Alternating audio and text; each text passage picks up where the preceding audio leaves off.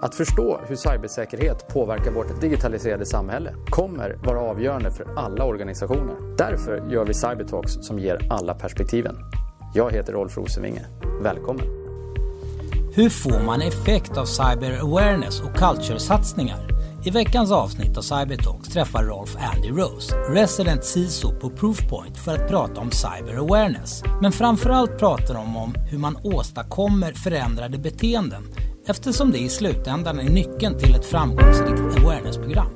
Hej och välkomna till ett nytt avsnitt av Cybertalks. Eh, idag ska vi prata cyber awareness och culture. Eh, och för det har jag med mig en spännande gäst. Eh, Andrew Rose, eh, resident CISO EMEA from Proofpoint. Welcome. Thank you for inviting me. So, um, really excited to have you on. I think uh, we've we've we've done a lot of episodes on cyber talks uh, over the years. Now we haven't really had a specific one circling in on cyber awareness and culture, and we thought it was a good idea to actually talk about that in a separate episode. We've of course touched upon it on, on multiple other episodes, but doing a specific one. And um, I know that you have thought a lot about these questions and how also, uh, perhaps most uh, importantly, also how to get effect from from the investments that any organizations do. But maybe first of all, the place to start. You are the I think the title is resident CISO EMEA for Proofpoint, and um, can you talk a little bit about uh, your short introduction to you and what the role actually is, resident CISO EMEA? Uh, yeah, sure. So um, I've only been with, with uh, Proofpoint a little while now, but my history uh, is a CISO in, in two global law firms, a CISO of UK air traffic control, and a CISO of a, a, a large part of the MasterCard uh, organization, which looked after the UK financial infrastructure. So I've, I've got a history of being in, in real CISO roles. This uh, role with uh, Proofpoint is, is slightly different what, what I'm here to do in Proofpoint is to be a, a, champion for the customer to make sure that Proofpoint understands the, the role and the challenges the CISO is follow is, is, is facing and to ensure that they make the correct decisions in terms of prioritizing product and features. So I, I ensure that they really understand the, the, challenges that are out there and bring that back to their product set. I'm also here to make sure that the CISOs understand the threat landscape that, as we're seeing it so that so they can react in the in the right way as well. So um, it's it's helping multiple organizations at once, really, and helping make Proofpoint the best organization to support those organizations through the threats that they're facing. So that that's the job that I have right now. Cool. And so, so I guess in one sense you could argue maybe that it's it's a very senior customer success role, uh, where you really kind of, as you said, you, you bring insights from your clients back to uh, to your employer and and also the other way uh, around, I guess. Yes, yes, indeed. Yeah, I'm, I'm here to make sure that our, our customers are successful. That they see the the, the threat landscape that we see, uh, that we ensure that we share the information so they can make the right decisions for their enterprises. Excellent. And I also think, and specifically for, of course, also for the topic of, of, of the episode here today, your background coming from large CISO roles with an international outlook, um, you know, makes you excellent uh, position to talk about uh, how you make or get to effect of cyber awareness and culture initiatives. But um, uh, you know, I'm still also interested. So, when you think about your your large CISO roles, what um, what did you find best and most interesting or rewarding with the roles, and, and what was the hardest with those roles? Hmm, interesting question. It, I think the best thing about the CISO role is that you're really making a difference. You're really helping organizations to protect the value that they're creating. And in some organizations, that means you're protecting you know data and money and reputation and in some organizations it means you're protecting the safety of people as they as they fly or as they travel on trains whatever so it really is about helping the organization protect their value proposition and protecting the customers as well so it feels you get some sort of feedback and payback that you're making a difference and also you get that that great challenge that there are so many security challenges these days across an enterprise and that you have to figure out how you can use all the different levers that you have available to you to create just the right control so you know, a new challenge comes up and how, how do you control that? Do you apply technology? Do you apply a new policy? Do you apply education? Do you apply process? What do you do? All the levers that you can pull to craft a, a control that's going to apply correctly to that situation um, without breaking the business process. And that's really rewarding, being able to be creative and come up with new ways to, to address all these things. So those the, those are some of the good bits. I think in terms of the challenges, I, I, think security has become so important to organizations these days. It is embedded in every part of whatever your organization does. You know, it's in the development of new applications, it's in the recruitment of new staff, it's in the uh, the maintenance of IT systems, it's in the, the build you know, the physical security around your buildings. It's in it's in HR processes, it's in finance processes, it's everywhere. And so as a CISO, you're spread really thinly and everybody wants a piece of you because you need to be putting security in, into the base components of everything within your organization. So there's a never ending pressure on the CISO to be everywhere, to be an expert on everything, and to be able to craft these solutions off the fly and, and apply them across the enterprise. And you add that you know with the amount of emails that you get and the amount of meetings you have to go to and it becomes a really high pressure role um, and you know then you add compliance and all those aspects into the and it's it becomes a really challenging role from from just that workload perspective mm. no i agree and and um, when i and, and, one of the reasons for asking is that I actually had a, had a pretty interesting conversation just this morning with a with a, a large cap uh, CISO also, and talk to her about the role and, and, and I just remember myself I, I held a couple of, of CISO roles for General Electric uh, primarily the in, in, the capital division.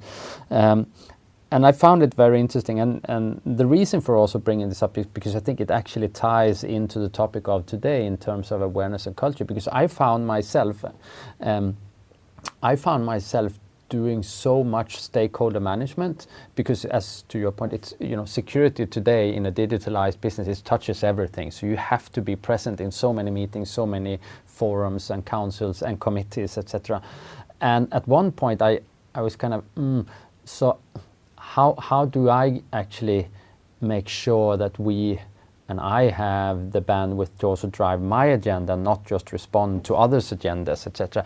Uh, but but actually helped me, I think, at the end there was then kind of thinking about this slightly different, recognizing that what I actually was doing was kind of the strate- a part of the strategic awareness and culture piece, just being present, getting ourselves into those decision-making loops and uh, etc. was actually um, a, a, relatively big part of the overall awareness and culture effort to get the, the execs, the, the my peer execs, onto this, you know, the mission that we had and how we together can make the business better. Does that make sense? Absolutely, it does. Yeah, you need everybody in the organization to be a security champion. And and perhaps I can give you an example here because this there was one point in my security career which I still hold as the highest point of my security career, still the the pinnacle of everything I've achieved. And um, I was in a sales meeting. I was in a sales meeting with uh, a cloud vendor, and my organization was wanting to buy this this cloud service but the biggest concerns around this cloud service was security. And i sat in this meeting it was a 90 minute meeting and i was expecting to have to ask lots of questions and dig into the detail. And as it turned out i didn't have to ask a single question in the meeting. Everybody around the table asked great security questions about this cloud service and i just sat there just thinking this is great the culture has changed from when I joined this organization. Now everybody cares about security. Now everybody knows what questions to ask, and they're asking them, and they're pushing back on the vendor to make sure that we're going to get a secure solution. And I don't even need to be in the room for this. This is happening without me being here. And that was just like this is this is what success feels like. This that was the highest point of my security career. That was everything I'd wanted to achieve, just rolled up and delivered in one sales meeting. And it's like this is it. This is what this is what we do all this work for. Yeah, and that is, um, yeah, I, that that must be have been quite an experience. But in, in terms of highs in your career, um, I, I I happen to know I think that you have also been you were both nominated and actually also won the European CISO Award uh, of the Year in in 2018. Is that correct? I, I, did, yes, I did, um, which I was very proud to do. Ever since I started in security, I knew that the, you know, the uh, SC Awards CISO of the Year was the was the, the, pinnacle achievements, and I always held that as a something I'd love to win one day. So when it actually came along and I did win it, I was very surprised and very flattered. It was it was quite lovely. Yeah, that is uh, that is quite an achievement. But but do you know what what uh, you know both first landed you the nomination and and subsequently the uh, the actual win? Um, I, I, don't. It's an anonymous process, but I think I, I think there's there's elements to it. I think you have to have a sufficiently high profile that people know about you to even nominate you. Um, and so you, ha- you have to have some level of profile. But then I think also working in air traffic control, which I was doing at the time, I think that really helped. It's a, it's a public organization. Um, and within that organization we just we just achieved some new certifications which was uh, very new in the in the aviation sector. We just won another award for our security awareness program. I think it could be seen that the the enterprise i was working in was was really pushing ahead and making great steps and, and actually doing that across the international spectrum and and uh, and leading the way within the industry. So i think those things came together to to just put me in the in the right place at the right time to be lucky i think Excellent. But but I do think there is something here, and, and I think that's also you know a, a good reason for have having you on Cyber Talks here today because I think yes there was this element also to your cyber awareness pro program already then, and it kind of I guess also gives us the the needed transition into the topic of today, and and so just you know maybe a quick backdrop from my perspective. I think everybody has kind of for a number of years now recognized the importance of training the workforce and educating and making this, the workforce in any organization, regardless of whether it's a public or in private uh, sector, uh, cybersecurity aware. And I think there's been lots of different uh, attempts, some successful and some not so successful. Uh, everything spanning from like one hour long e-learnings to uh, very different setups. But um, I think my take at least is that um, people have spent or organizations have spent quite a lot of money, some of them, uh, quite a lot of effort, and I'm not sure everyone has found that they've really gotten to the desired effect. And um, I'm not sure whether that resonates and, and is something that you can rec- recognize. Absolutely, I don't think anybody has uh, has achieved the desired effect from security awareness training because even the best organisations still have you know a click rate. They still have people who who make mistakes, who um, ignore policies. Um, you can you can never get to that zero percent of, of non-compliance. So there's always work to be done but there's there's a big opportunity for improvement because you look at some organizations that perhaps don't do say phishing training. That's one of the classics isn't it? And and you'll see that the first time they do phishing training they'll get a 30% click rate a 40% click rate.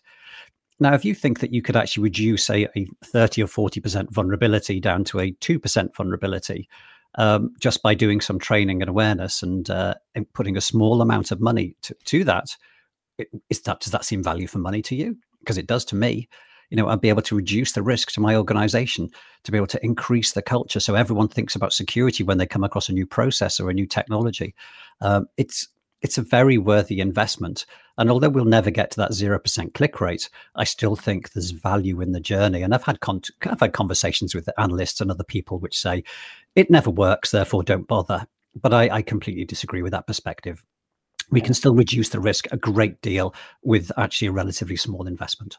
Yeah, exactly, and and I think that's that's a good starting point for the conversation because I think sometimes where we as an industry tend to go wrong is is that we make this a binary question: Does it work? Does it not work? You know, it works in various degrees, and uh, but I think it's it's about getting into that granularity and, and find out so what what has the most effect and what is maybe not so useful, etc. But um, so you know, we had a we had a prep call also for this, and you said something that I found really interesting. I want to bring this up here as well because I think, and I'm I'm happy to let you elaborate on on the topic here. But I, I think you said something like, so one of the you know, in quotation mark problems is that we've we kind of approach this more as an awareness problem rather than a behavioral problem.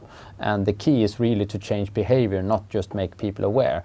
And I think there are some really interesting learnings and some and some really cool things to really think through if if if, if we kind of accept that state. But isn't that something like what you said? Absolutely, it, it is. It is a problem that uh, people do focus on security awareness, and they say, "Well, we'll just we'll just do more security awareness, and that'll solve the problem." But it doesn't. It doesn't because um, awareness is not is not something that changes your behavior on its own. You need more than just awareness to change your behavior. So um, you know, look at look at smoking. Um, smoking probably only started to go down when they really started to make the consequences of of uh, of smoking clearer on the packets. Um, but even so, it's still at a high rate. You know, awareness on its own does not solve your problem. You need to make people aware. You need to make sure that people are motivated to follow the the right path, and you need to make sure that they have the triggers to remind them about what that right path is or where they can find information. And you can break it down further and further than that. But simply put, when you look at the the wider model, security awareness as it stands is only a small part of the solution. And I think that's probably one of the reasons that security awareness campaigns have been perceived to be unsuccessful, is because we just push the awareness button again and again and again.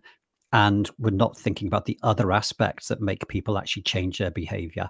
So, so I spoke to uh, you know a professor in, in, a university in the states and talked to him about behavioral science and on what you can do to actually change the behavior and you know, we got better ideas regarding motivation, regarding the simplicity of, of the task, um, regarding these triggers to remind people to do the right thing.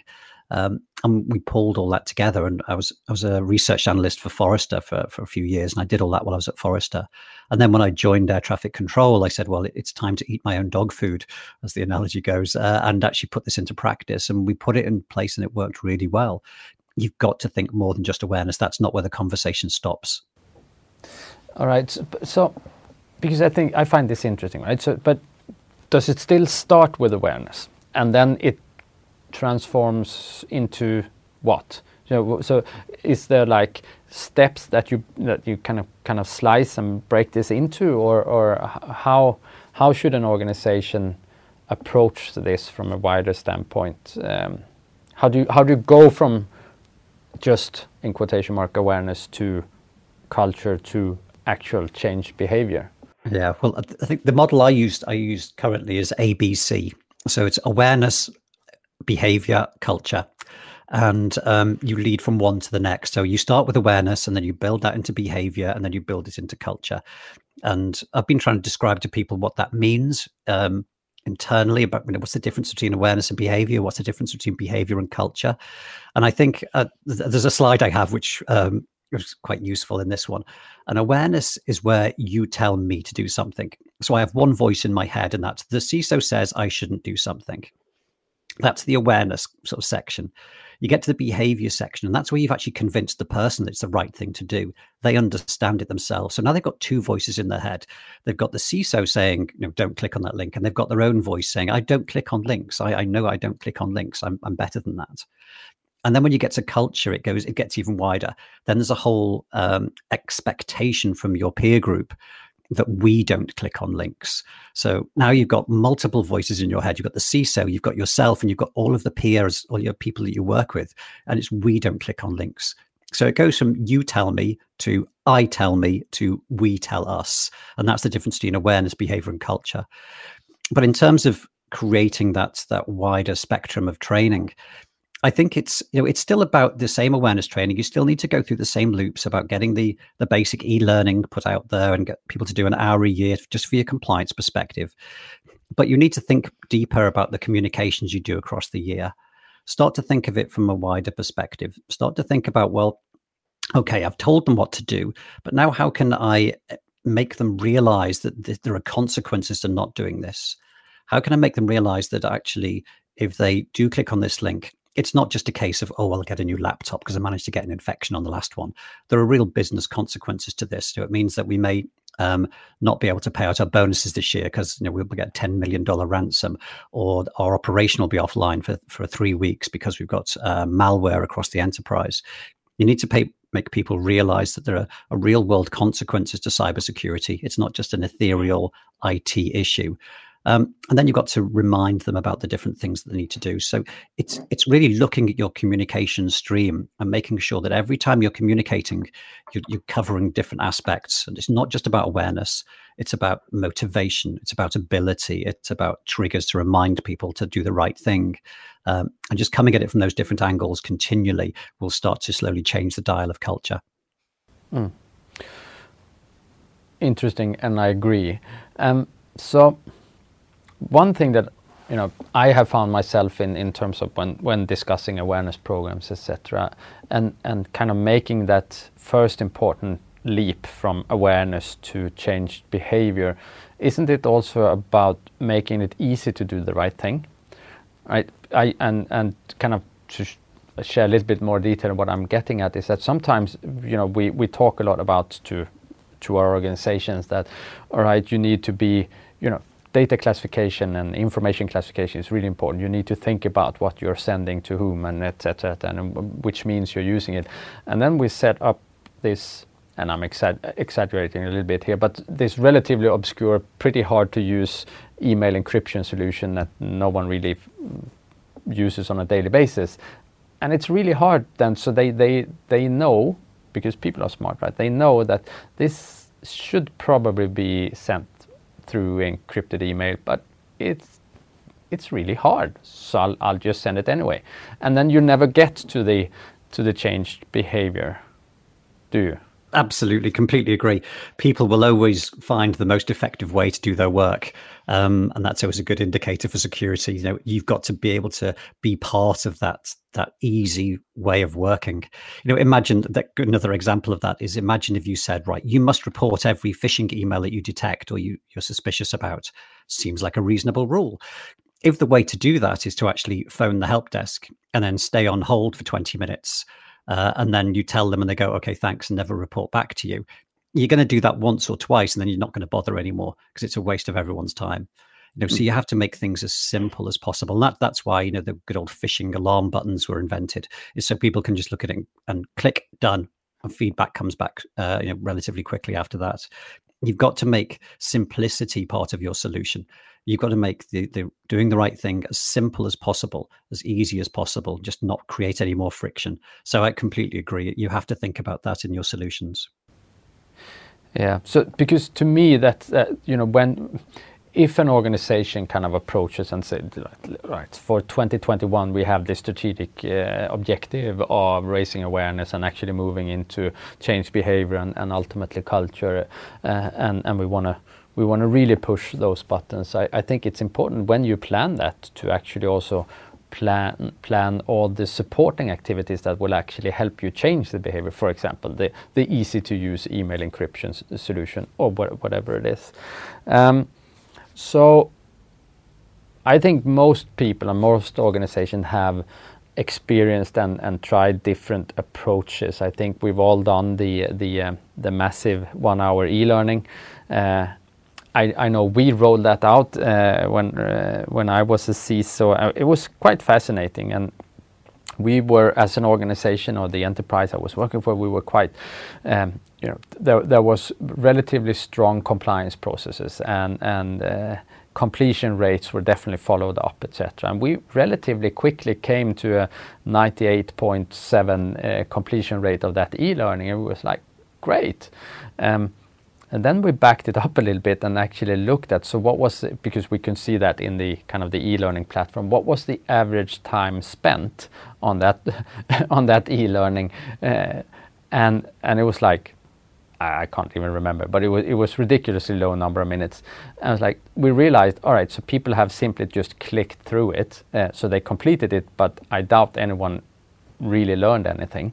Um, so all right. So is if I guess the, the, there are a couple of questions. So the first question: Is there still room for that traditional e-learning? And if there is, which is it? And and if there's not, what what are the better options or alternatives?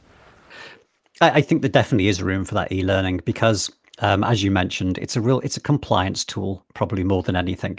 It's to be able to go back and say, look, everybody has had a basic level of tuition. Everybody understands the basics. Now you need to perhaps do a little more than just allow them to click straight through and go all the way through it. Um, but what we're seeing perhaps is that you can actually uh, you could you put a test in there, you put a quiz, and now it used to be the quiz was at the end, so you actually got there and said, okay, well the, the pass rate is this, and uh, you know if they mm. don't pass pass it, they have to go back and do it again. So that'll make them take a little more time. I think a new way to think about it is actually put the quiz at the start, and so actually if they pass the quiz um, at the start, haven't we haven't we achieved what we wanted to achieve? You know, because a lot of the e-learning is the same year in year out which is not a great thing, but um, that's for this basic e-learning package.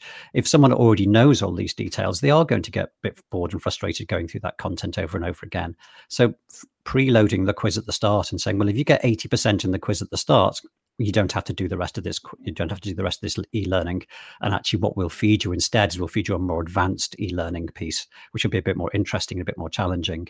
Um, and it'll be 20 minutes shorter. You know something along those lines. You can figure out ways to incentivize people to uh, to try a little harder in that. But there's definitely a place for it. You need to be able to go to your your regulators and say yes all of our staff have been trained in basic cybersecurity hygiene. They all know the stuff. But but you you can't leave it there. If you really aspire to changing the behavior and the culture of your enterprise, you need to start thinking a bit more specifically about how you train users over and above this this baseline you have to realize that people in finance are facing certain you know, BEC fraud attacks. People in IT are facing certain attacks because they're in IT and they've got access to admin privileges. You have to start putting together uh, compilations of training packages which can actually speak to their role to make it feel contextually relevant to them um, and keep them up to date on the threats that they're likely to be facing. Nobody wants to hear sort of a threat from 20 years ago or 10 years ago. It's just not really relevant. So let them know about here's the sort of phish you might be facing that in the last three months we've seen. Here's the tactics that the uh, the financial fraudsters are following now. Here's what they're trying to to achieve. Here's how they're trying to do it so that your people can be prepared for the, the current threats and know know how things are developing. So so yes, tick the compliance box, but then keep on going over that. Start to talk to them more about contextually relevant threats and challenges that they may face, so they can make better decisions about how they put controls in their own processes to to resist those. Cool. So so um, because I think this is this is valuable, right? So so yes, there is a, pl- a place for the more traditional stuff, but then when you go beyond that, differentiate tune the message to the, to the audience and update the message regularly. I guess is is kind of the, the summary. So it's it's it stays relevant. Absolutely. Attackers update the, their attack methods on a continual basis. So we should make sure that our staff know what's going on and how those attacks happen. Um, you know, with some of the financial fraudsters these days, they they will ask for um, gift cards to be purchased, and they'll they'll you know, pretend to be a senior manager going, please buy me some gift cards because I want to hand them out to the staff as a surprise and then send me the codes. And that's a financial fraud attack. You know, if we haven't told our finance team or, or our team leaders that that's likely to happen, that that's a, a, vehicle of attack, then they may just take that at face value and not not question it. Um, and because there's no malware attached to the email, it might not get stopped by your email gateway. So just keeping people up to date will really help your your level of controls and it will keep them engaged. They'll be interested to see how things are developing and what the attackers are up to now. So you can make something of that. You can make some uh, you know interesting content which you feed out to people. Uh, so yeah there's there's opportunities there to improve and, and make sure we we're telling people contextually relevant stuff. Yes. Excellent. Because i think to me, at least, this is this is one of the keys um, uh, to to success and really be relevant. Because I think it's also about sorry recognizing that you know if you and I guess that applies for everyone, right? But if you decide to take up someone someone else's time, you need to make sure it's relevant to them, uh, and and just feeding the same e-learning uh, or or classroom. Um, session or whatever it is, the same the same one year over year is probably not that relevant to people, right? So, so I think that's that's an important point uh, to make. Yeah. With that, so there's, there's opportunities then to move into areas like gamification. And uh, one gamified session we used to do in a previous company is, you know, we'd have people do effectively a social media um, treasure hunt where they were they would go and look for certain things in social media about these different characters we'd set up and come back with this profile about the person and that was incredibly popular because they were using their own technology and the, the things that they were used to using in their personal lives in a cybersecurity context. And they were learning lessons from that about the amount of information you could collect about people um, from social media and how you could then use that to craft a phishing email so there's lots of opportunities to bring the home life and the, their own technology and their own sort of uh, apps into this the security learning process as well. And that makes it a lot more engaging and a lot more relevant because then they can take some of that learning home with them and you know they can teach their kids how to stay safe online. They can uh, make sure that they're changing their own personal passwords and it just benefits them, them more widely than just in the uh, organizational space Excellent. And because that, that, was, and you're already getting into a couple of things I would, uh,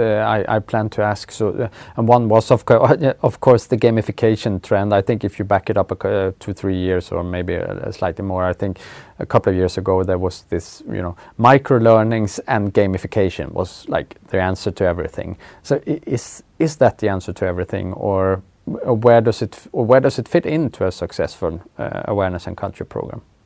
What can you achieve, and what can't you achieve with gamification or for that matter micro learnings I, I, think um, i think micro learnings let's get that one done first. I think that's that's a good idea. You know you want to be talking you want to be uh, sort of dropping the seeds of value in continually across as, as frequently as you can to users. So it's always there in the background. And i think that cisos and security professionals should, should look for sort of news stories to take advantage of. So what can they find in the in the press that they can uh, twist and sort of turn and, and, present back to your staff internally, which would add value to them? You know, if there's a new vulnerability, you say LinkedIn was just uh, perhaps with all the Facebook vulnerability recently, where the Facebook um, data was leaked. You know, how can you turn that into a story to help your users protect themselves? You know, a small article on your intranet, a small email out to people, just keeping those stories relevant and up to date, I think is helpful. Keeps people in the mind about security. So those micro learnings and, and having contextually correct micro learning. So if they click on a link, you know, in a phishing test email, they go straight to watching a, a two minute video about why you shouldn't click on links. Again, putting it in the right place at the right time helps. So definitely agree with those. Gamification is an interesting one because I see gamification has got good and bad sides to it. I always got a bit worried about the the big sort of gamification things that you could see where people would have a scorecard across the organization and everybody would win points for doing this or doing that and uh, and and there'd be a, a league table of of who's winning and who's not and i always thought that was interesting, but actually quite a lot of work, and actually be, could become a burden for the security team as well. Because when people really engage with that, they'll be at the top and they'll score you know 10 out of 10 in every every event. And they'll be looking for new content, continue looking for something to stretch them at the top of that that table. And if you can't create that, they may just disengage and just fall away and not pay any attention to it at all. So for real sort of strategic gamification, as I call it, you need to be continually on on the ball, creating new content, making sure that content's really high quality, and that can become a real burden. So I think you have an opportunity to take a step back and think about gamification in a more tactical way. And that's certainly what my experience is. I've, I've put tactical gamification in place where you have workshop sessions um, and you make those into games. And you know, an example of one of those, is, as I mentioned before, is that the social media treasure hunt, which was actually a, a, murder mystery where you had to sort of figure out who did the murder, who did the crime, from using social media and piecing together all these profiles or another one where you uh, you pretend you, know, you say right you're a member of a board therefore you've got to make some security decisions. What are you going to invest in? What are you not going to invest in? And then you know, stress testing that at the end. There's gamified sessions you can do which are, really really popular with our with our employees. Um, escape rooms is another one that, that that you can package up and you can have them delivered an hour long session and you can push them out around the organization and they'll get buzz and they'll get feedback and it'll get everybody engaged. But it doesn't give you that long term strategic gamification burden of continually coming up with new content. Uh, you can do it in, in a much more tactical way which i think is, is a good starting position. Cool. And yeah i, I agree and, and i think when you start to make it if, if, we if we kind of agree with with the first statement that the, the end goal here is not awareness, it's change behavior and ultimately culture, uh, and if we you know, remind ourselves that that's the end the end goal that we're trying to to achieve and also uh, talk about here today, I, I think th these are great examples because I think that helps helps really move the conversation from awareness to changed behavior. Um, I can just give an example myself. I really like the, the social media treasure hunt uh, that you uh, talked about. I, I think that's that, that's I think I can clearly see that would be a great way of you know really getting the engagement uh, from from the employee and from the the staff. Um, one thing that we did a number of years back was we actually on you know like most big organization we had like a cybersecurity awareness day. Uh, but what what we did one year was that instead of doing any um, town halls or any uh, you know micro learnings or traditional awareness sessions, we we invited people to bring their own stuff right? And and the entire security team just manned up and and um, help people configure home routers or uh, set up email encryption or uh, enable multi-factor authentication on uh, on their personal stuff and you know a relatively you know, or not so traditional way of doing it but but the feedback we got from that day uh, you know people stayed stayed after hours because they really wanted help with this and they hadn't really you know because where do you turn to if you know you bought your laptop etc and you, you can't really go back to to where you bought the laptop and, and ask for help. So so they really value that and when they realized that all right so now i'm better protected at home and this was the way we do it they, they kind of it seemed at least and when we followed up with feedback sessions it seemed like oh, they were actually going to bring some of that back to work that changed behavior um, yeah, I think it's a good idea. I mean, it, we'll continue looking for new ways to deliver that sort of interesting content to people, and I think that's a great idea to help them with their home security. And I've certainly seen uh, CISOs who who focus almost entirely their security awareness campaigns on home security. Uh, really investing into that. If I can convince them to be secure at home, those practices will come back into the office. They'll choose good passwords in the work. They'll you know, they won't leak information. So it's it's a really good angle to take there's, there's we need to have more innovation like that think about different things that we can do to to bring new angles of, of education because there's so much education out there for users they're continually getting trained and taught new things about money laundering about i don't know all these other things they have to learn you know we're fighting in a quite a busy uh, space to try and get attention for our staff so trying to be uh, a little creative in some of those things can make a big difference Yes, and I, and I think you you highlighted something that we sometimes tend to forget. I think is like we, we are we are we are competing for the attention here. We are not the only ones wanting to run awareness campaigns of different sorts and formats. So it, it's also about you know being. I guess the first is being relevant, and then being creative and really make it uh, stick uh, with people. That's that's how you ultimately then change transform it from awareness to change behavior. And um, don't, don't, feel worried about getting a brand. You know, I've, I've, certainly did that in one organization. We got a very strong brand for our security awareness campaign,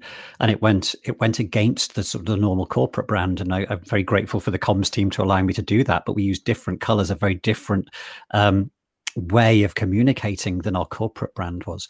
And it, it, stuck in people's minds. It was quite impactful and people you know recognized it and they would see the, the, the posters and the banners that we put up and it would make an impact on them and they would it would cause questions and cause challenges which was great. So you know you need to have a brand. So have a think about how you can how you can craft that to make people not be able to not pay attention to you. Yeah. Exactly. No i think that's a good point. So if if we are now thinking of a example organization of, of a certain size and and you know as a CISO, you know you're not unfortunately you're not only managing uh, cyber awareness and culture you're managing the entire portfolio of uh, you know implementing new technology strengthening processes compliance stuff uh, dealing with with actual attacks and, incidents etc so to be effective, if, if you think about how, what are the key components for a successful cyber awareness and culture program? How should how should a CISO think about what? Can, can you can you kind of define a couple of buckets that probably should be in there, and maybe a couple that you could leave out if if possible? That's a really challenging question, actually. Um, what's in there? I think you, you, the e-learning piece you mentioned before. You've got to get that baseline piece done. You've got to get that compliance piece. So that has to be part of your solution. Uh, I, th- I, think there's just lots of things we've mentioned already. I think you have to have a a continual communication stream. You have to make sure that you're reaching out to to users with relevant information on a regular basis. And you know, I, I think that's essential to try and keep the the dial moving. Otherwise, it's just a once a year piece, and then they forget about it until the next time the e-learning comes around. So look for opportunities to be doing regular communications, whether that's related to stories, um, incidents at peer organizations, um, whatever happens to be. Um, make sure that you're having continual dialogue. I think the, the phishing testing again is essential. You need to have that in place. Um, because it's such a prevalent attack vector. So much, so much of the, uh, the, the cyber attacks come down that email thread. I think it's about 94% of cyber attacks start with email. So you must ensure that you you craft the you, know, you get people used to identifying and resisting those phishing emails. I think those are some of the key pieces, and then you start to load on top of that the the next stages which draw um, drive your maturity on in terms of a champions network in terms of those gamified workshops and uh, drop-in centers where you can help people with their home security. You know that's the sort of the next layer you build on top of that. Uh, and then then it's a case of making sure that the messages that you're pushing out are getting cascaded down locally. And it's it's really interesting this stat because we did a, a, deeper analysis at one organization about who really believed in security, who really took it seriously. And we did analysis in a much wider context of some other aspects as well. But when we ran it all through our behavioral scientists and our data people, they drew a very clear um, relation between two questions. One was, you know, do you take security seriously and are you likely to do the right thing? The people who scored highly in that also scored highly in the my manager believes in security my direct mm. line manager that was mm. the closest relation we had so if you can convince direct line managers to to identify with security to believe in security and to reflect that to their staff that that'll have the biggest impact on your staff following and doing the right thing so getting that cascade down from the management chain is important as well I, I agree, right? And I think this that statement there is probably as, as close to a silver bullet that, that I think is, is possible to find in, in this area. But, but, I, I and I'm, I'm I'm happy that you also have the behavioral science behind it to back it up because to me it's been always been a gut feeling. But now I, I can actually say that I've talked to Andy about this and, and there's behavioral science behind it. But but it is very much about that, right? And I think sometimes when I have and you know I, I, can look at the program that we implemented when I was a CISO. I can also think about the number of uh, programs I've seen in large organizations. I think there is nothing wrong with with you know a huge or a significant focus on on all employees, etc. But I think it's it's really also kind of slicing it and making. And we talked about being relevant to different groups. But really, I think there are two groups that sometimes have not really received enough attention, and one is the execs. You know, we uh, and and not not in the sense that we need another hour at the group executive management team to talk about the, the general threat landscape because I think they've heard that already. But but a more targeted and more specific. Um, you know, set of questions to really get them engaged and to really help them feel equipped that they take on the leadership role also in this aspect.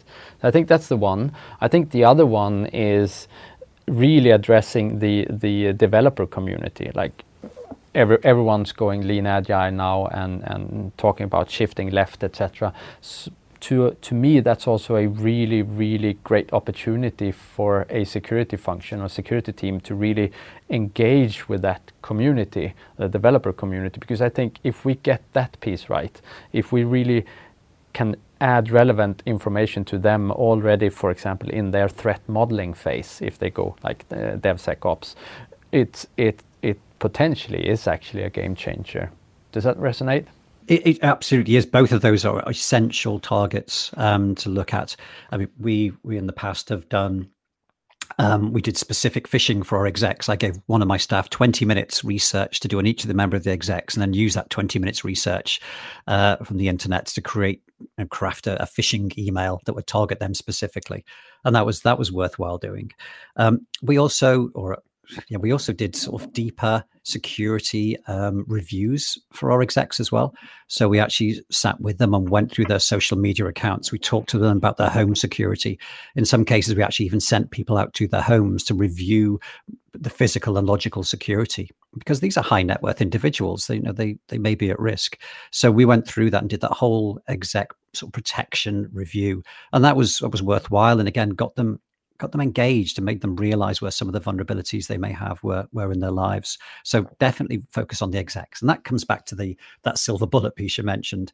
Um, everyone always says, "Oh, you need exec sponsorship. It won't work without exec sponsorship," and that's sort of right. But um, as as we mentioned, it's the local line manager that makes the biggest influence. So getting the exec uh, buy-in does cascade down on elements, but always focus on that local line manager aspect. In in terms of dev, absolutely, completely agree. The developers are building our application infrastructure for the next generation.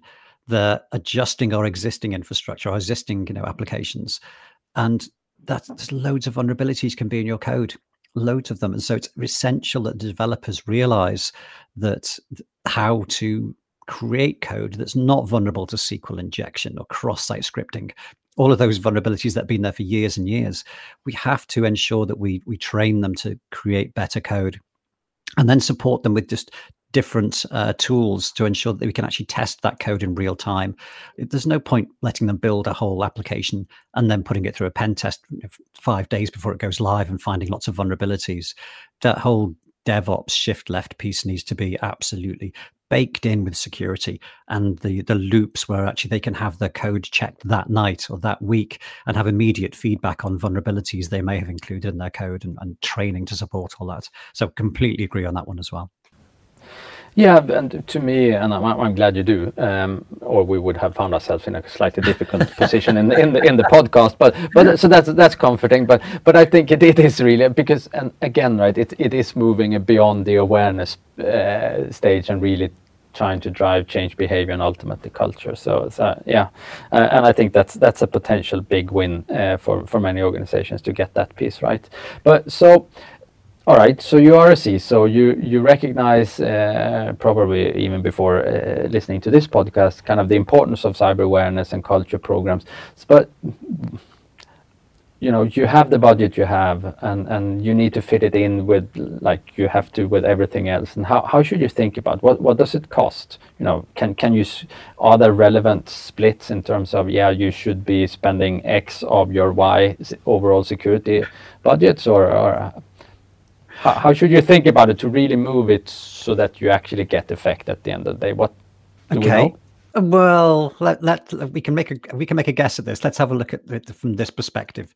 Um, if you think about how much you spend on security as a whole in your enterprise, you know, you get all the Gartners and the Deloittes of people who make guesstimates about what that looks like, what percentage that is. And it's very difficult to do because everyone records security differently. So no one really knows how much organizations spend on security.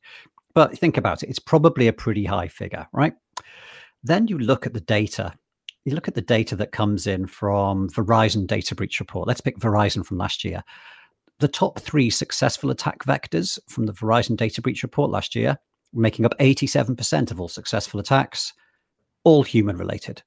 It was credential theft, it was phishing, it was human error and oversight and misconfiguration. It was all 87% of successful attacks, the top three, caused by human aspects. So have a think about that. How does that compare to your security budget? Do you spend 87% of your security budget training people? No, you absolutely do not. Could you spend more training people? You absolutely could. And should we? Yes. The, the, the deal is that security awareness and this culture change piece is continually being um, pushed on organizations by people doing it off the side of their desk. They're doing it in part time. They're doing it as a part of another job function that they've already got. It's uh, it's only the larger organizations which are actually starting to now recruit security awareness professionals, and even so, they'll have one of them you know, when was the last time you went to a SOC and just thought we just have one person in our SOC? You know, you'll have multiple people in a SOC, but only half a person doing security awareness. And yet 87% of the successful attacks start via security, via the human aspect. So there's a big rebalance to have there. And it, it doesn't need to be expensive. It doesn't need to cost as much as, you know, a brand new firewall may cost for the year. But we should be investing more in this space uh, I think that's undeniable because it's the biggest attack vector, um, and and we can make a big difference with a small investment. So I can't give you a figure, but all I can say is we should be investing more in this area. Excellent. No, and I, I agree, and and it's it's sometimes it's it's also about kind of finding the perspectives, and I think the, the numbers that you added here in, in terms of the attack vectors and the high percentage there is is definitely relevant when you think about this. Then of course, yes, there's some some deployment of technology can actually reduce the blast radius of uh, you know a human error etc and therefore also has its place. But but it's just really good to resonate and and and think about it the way you just described. So no thank you for that. So time flies and um, it's it's an interesting topic uh, on so many levels. But uh, kind of wrapping it up we always also have the question that we bring to to all guests. Is like um, do you have like a podcast or a film or a movie or something that's either inspired or, or um, informed you that uh, that you would like to share to the listeners? It can be related to cyber awareness and culture, but it can also be something completely different. Okay, I, I, I, did give this a little bit of thought beforehand, and there's there's probably two two things I could share with you. Um, one one related to security um, and the security awareness journey that many organisations will be on. And I, I, just want to stress how how important it is. I know we've talked about this for the last forty five minutes, whatever, but it's the the landscape has changed. The people are now at the center of the threat landscape. It used to be that attackers tried to attack, you know, organizations and break through firewalls. It's just not like that anymore. The individual is now at the center of the of your enterprise. They are the new sort of attack surface they're the new perimeter. So it's absolutely essential that you invest some time and attention in making sure that they're as secure as they can be. Um, and so I've, I've been thinking a lot about okay, well, how do we do that, and how are people taking advantage of of our staff, and how do they still make them click? What do they do? And I, I read on the advice of one of the behavioral scientists I used to work with years ago. I actually got around to reading The Chimp Paradox by uh, Dr. Steve Peters, and it talks about how the the human brain works and how it's how it's susceptible to certain things and how it w- works in a certain way. And it's a very interesting book. Um, it gives you an insight into how your personality is made up, um, the different parts of your personality, and how they can all be manipulated and how they work together to make you you. So that's a really interesting book to read, The Chimp Paradox. Um, and on a slightly lighter topic, so it's uh, more of a story book. I think I'd also recommend a book called Exhalation by Ted Chiang, And it's a really interesting book. It's a bit like um, I'm sure you've all seen the uh, the series of Black Mirror, which has some pretty dire perspectives on technology in the future. Exhalation is a little like Black Mirror, apart from with some much more uplifting and interesting storylines that uh, that can make you really think about technology and the future and how uh, how everything will come to work in the future. So those are my two recommendations. Excellent. Thank you for that. And I, um, you know, it's always interesting to hear uh, what our guests bring forward. Um, I think I'll go straight to the chimp paradox, and uh, I'm sure it's um, there are some interesting stuff there. And I think it's also it's actually really interesting to get some of the science behind the topic of today, and not just not just talk about this as what we think, but there is actually a lot of science to read up on for, for those interested. So, no, th so thank you very much uh, for for taking the time uh, to uh, sit down with me here today. Andy Rose, resident CISO EMEA Proofpoint, thank you so much for joining us here today on Cyber Talks. It's been my pleasure. Thank you very much. And to all our listeners, uh, until next time. Podden är ett samarbete mellan Cyber Insights och Orange Cyber Defense och spelas in och klipps på Media.